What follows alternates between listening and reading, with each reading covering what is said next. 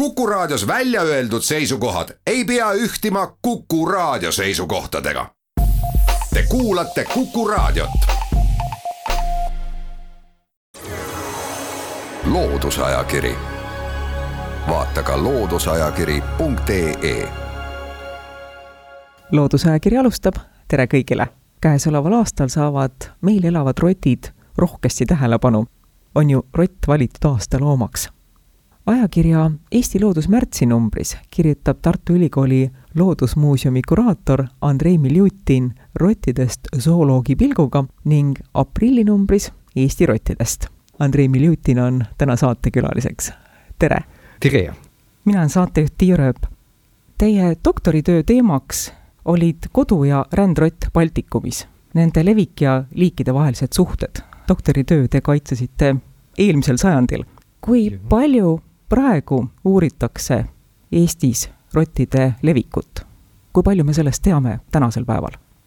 tuleb öelda, et ega suurt midagi ei tea, sest äh, omal ajal äh, kogusin andmeid äh, kaheksakümnendatel, jah, täpselt nii, eelmisel sajandil juba ammu-ammu ja siis kogusin nii, et käisin mööda Eestimaad jalgrattaga ringi ja püüdsin loomi ja pärisin äh, kohalike elanike käest, et äh, mis rotid on, näitasin neile rotinahku.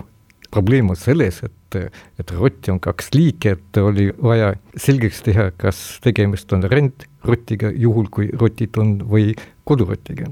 ja mis nüüd vahepeal on muutunud, et äh, keegi enam ega ka mina ei ole spetsiaalselt roti levikut Äh, uurinud, küll püüti kõiksuguseid äh, teisi närilisi, aga mitte rotte, sest äh, ega nii lihtne ei ole see just rottide ja koduhiire leviku uurimine, sest tuleb ju minna kas inimeste kodudesse või, või, või mingite majandus- või, või firmade ruumidesse, eks ju, ja see ei ole üldse lihtne. nii et ühelt poolt on olukord niisugune nukker, et värskemaid andmeid ei ole olemas, aga viimasel ajal on käivitunud äh, Eesti imedate leviku atlase projekt, mille raames kogutakse andmed kõikide Eesti imetajate ehk siis äh, igapäevakeeles loomade kohta, kus kes äh, elab ja ka rottide kohta.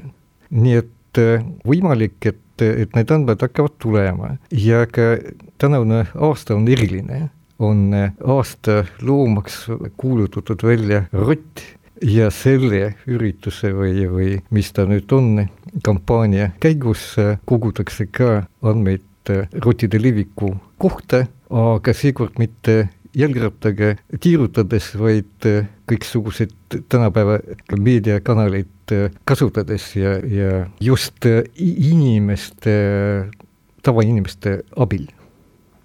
Eestis elab kodurott ja elab rändrott. milline on teie kogemus, kui hästi inimesed tunnevad, et see loom on kodurott ja see on rändrott, tehakse vahet hästi või on rott on rott? ega eriti ei tehta, aga tähelepanelikud inimesed, eriti maainimesed ja eriti naised, kusjuures nad äh, minu kogemuste põhjal märkavad, et, äh, et rotid ei ole ühesugused, nii et äh, kui ma liikusin kahe liigi piiril, levikualade piiril, siis mõned jah, mäletasid, et mõned aastad tagasi olid teistsugused rotid. Ja muidugi on ka, juhtunud ka sellised inimesed, kes tunnevad neid liike kodurott ja rändrott, need mõlemad liigid on inimkaaslejad. see tähendab seda, et nad elavad nii-öelda vaenlase territooriumil. kuidas nad on sajandeid sellega hakkama saanud, inimene ei ole kunagi rottidesse suhtunud heakskiitvalt. samas need liigid suudavad elada inimese territooriumil, leida toitu sealt, leida peavarju, ainuke liik, kes veel sellega hakkama saab, on koduhiir. Mis on rottide selle võime või oskuse taga, kuidas nemad sellega hakkama saavad?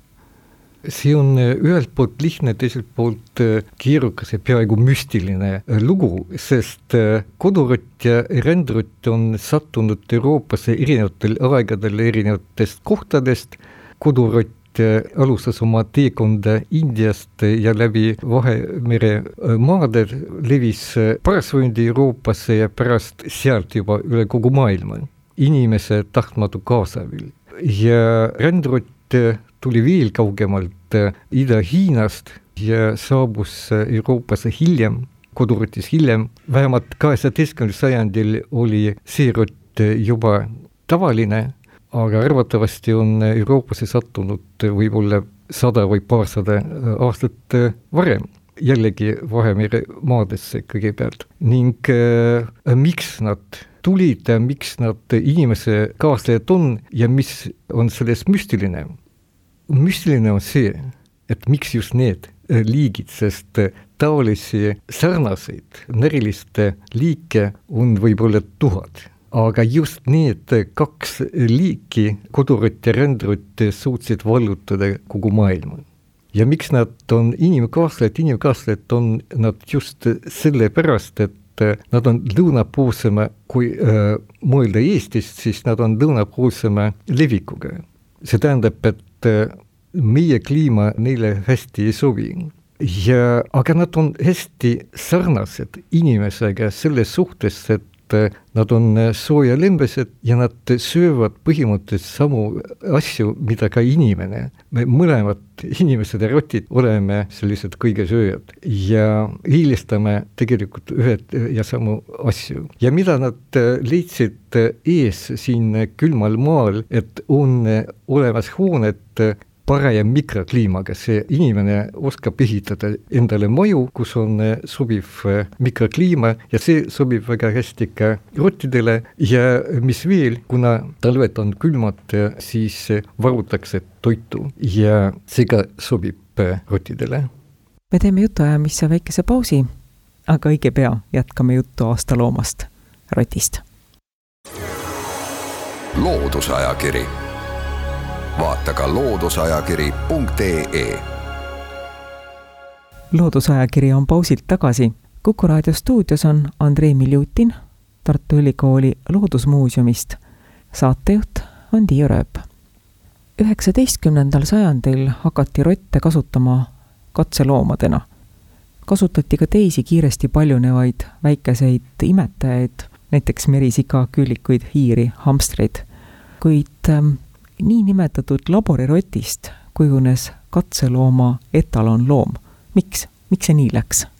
ega täpselt ei, ei oskagi vastata, sest äh, asjaolusid oli mitu. esiteks äh, oli see niisugune kättesaadav äh, loom, kes mm, kiiresti sigis ja kättesaadav oli ta ka selle poolest, et, et et äh, Inglismaal, kus võeti kasutusele katseloomane rotte, täpsemini rändrotte, oli tol ajal niisugune päris jõhker jutumärkideks sport, võistlust, kus äh, võitlesid koerad omavahel ja, ja siis äh, neid lasti sellise maa sisse kaevatud auku, kus oli tavaliselt sada rotti ja siis äh, vaatajad vedasid kihlaid, kumb võidab ja siis koer pidi neid kõiki tapma. Ja kes kiiremini koertes sellega hakkama saab, see oli võitja, see sport keeleti lõpuks ära, aga rotte püüti väga suurtest kogustest ja,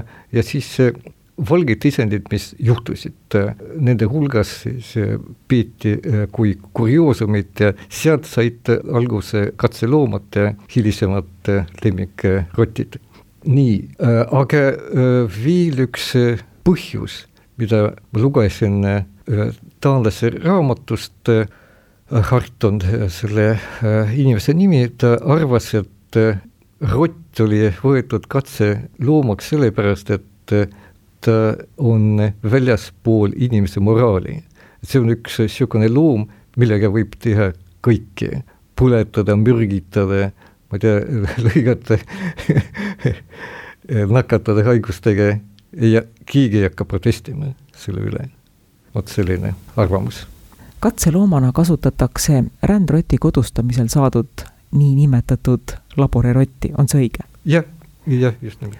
mitte kunagi ei olevat kodustatud kodurotti, miks? rändrott peaks ju olema agressiivsema loomuga, kodurotti võiks ju olla kergem kodustada, miks teda ei ole kodustatud? tal on ilusamad, suuremad silmad ka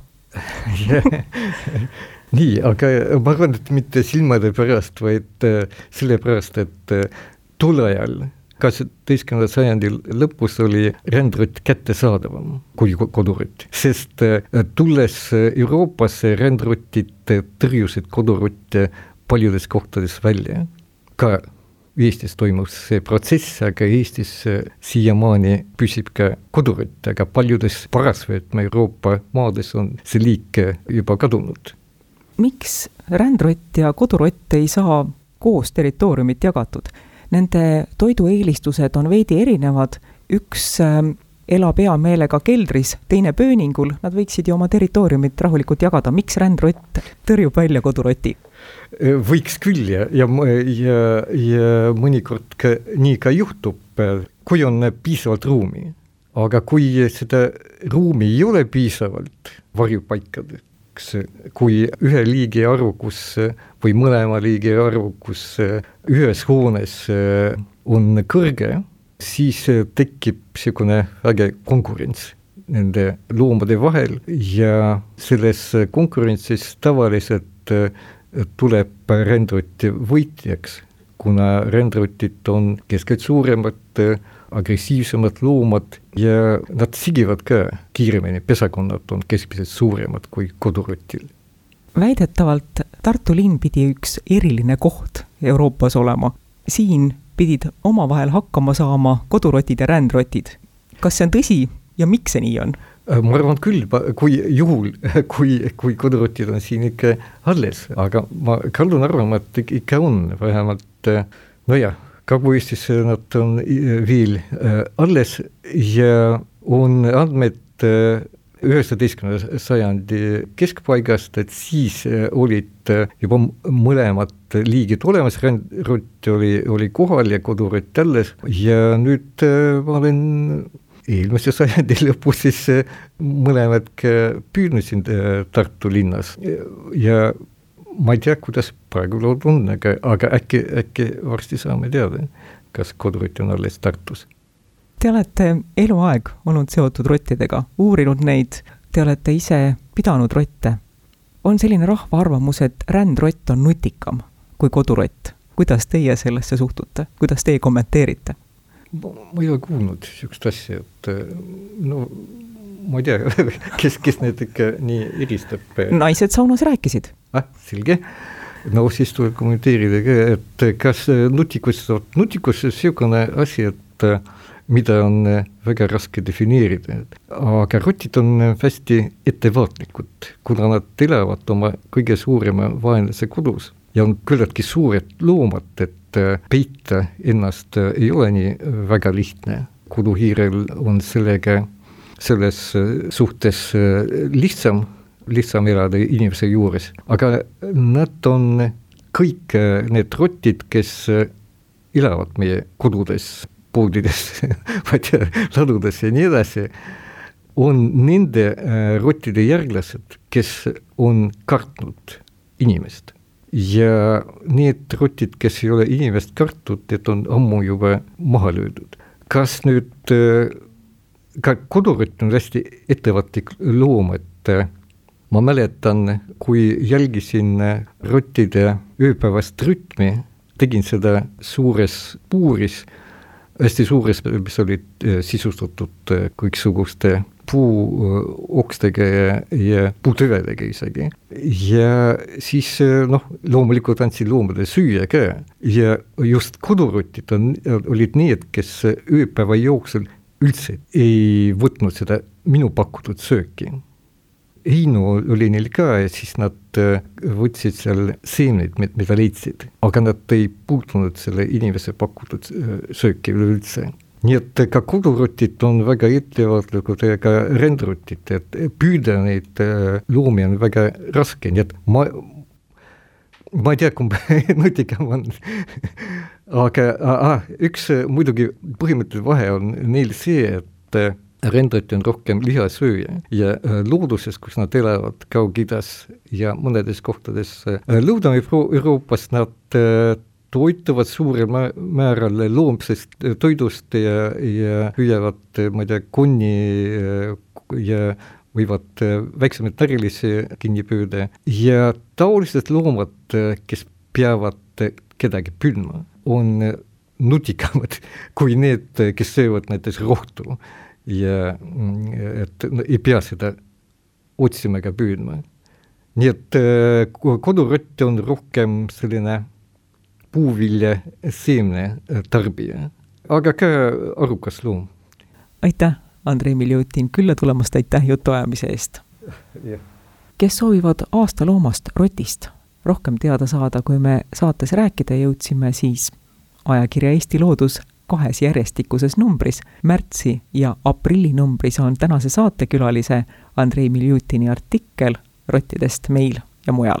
aitäh kuulajatele, jälle kuulmiseni!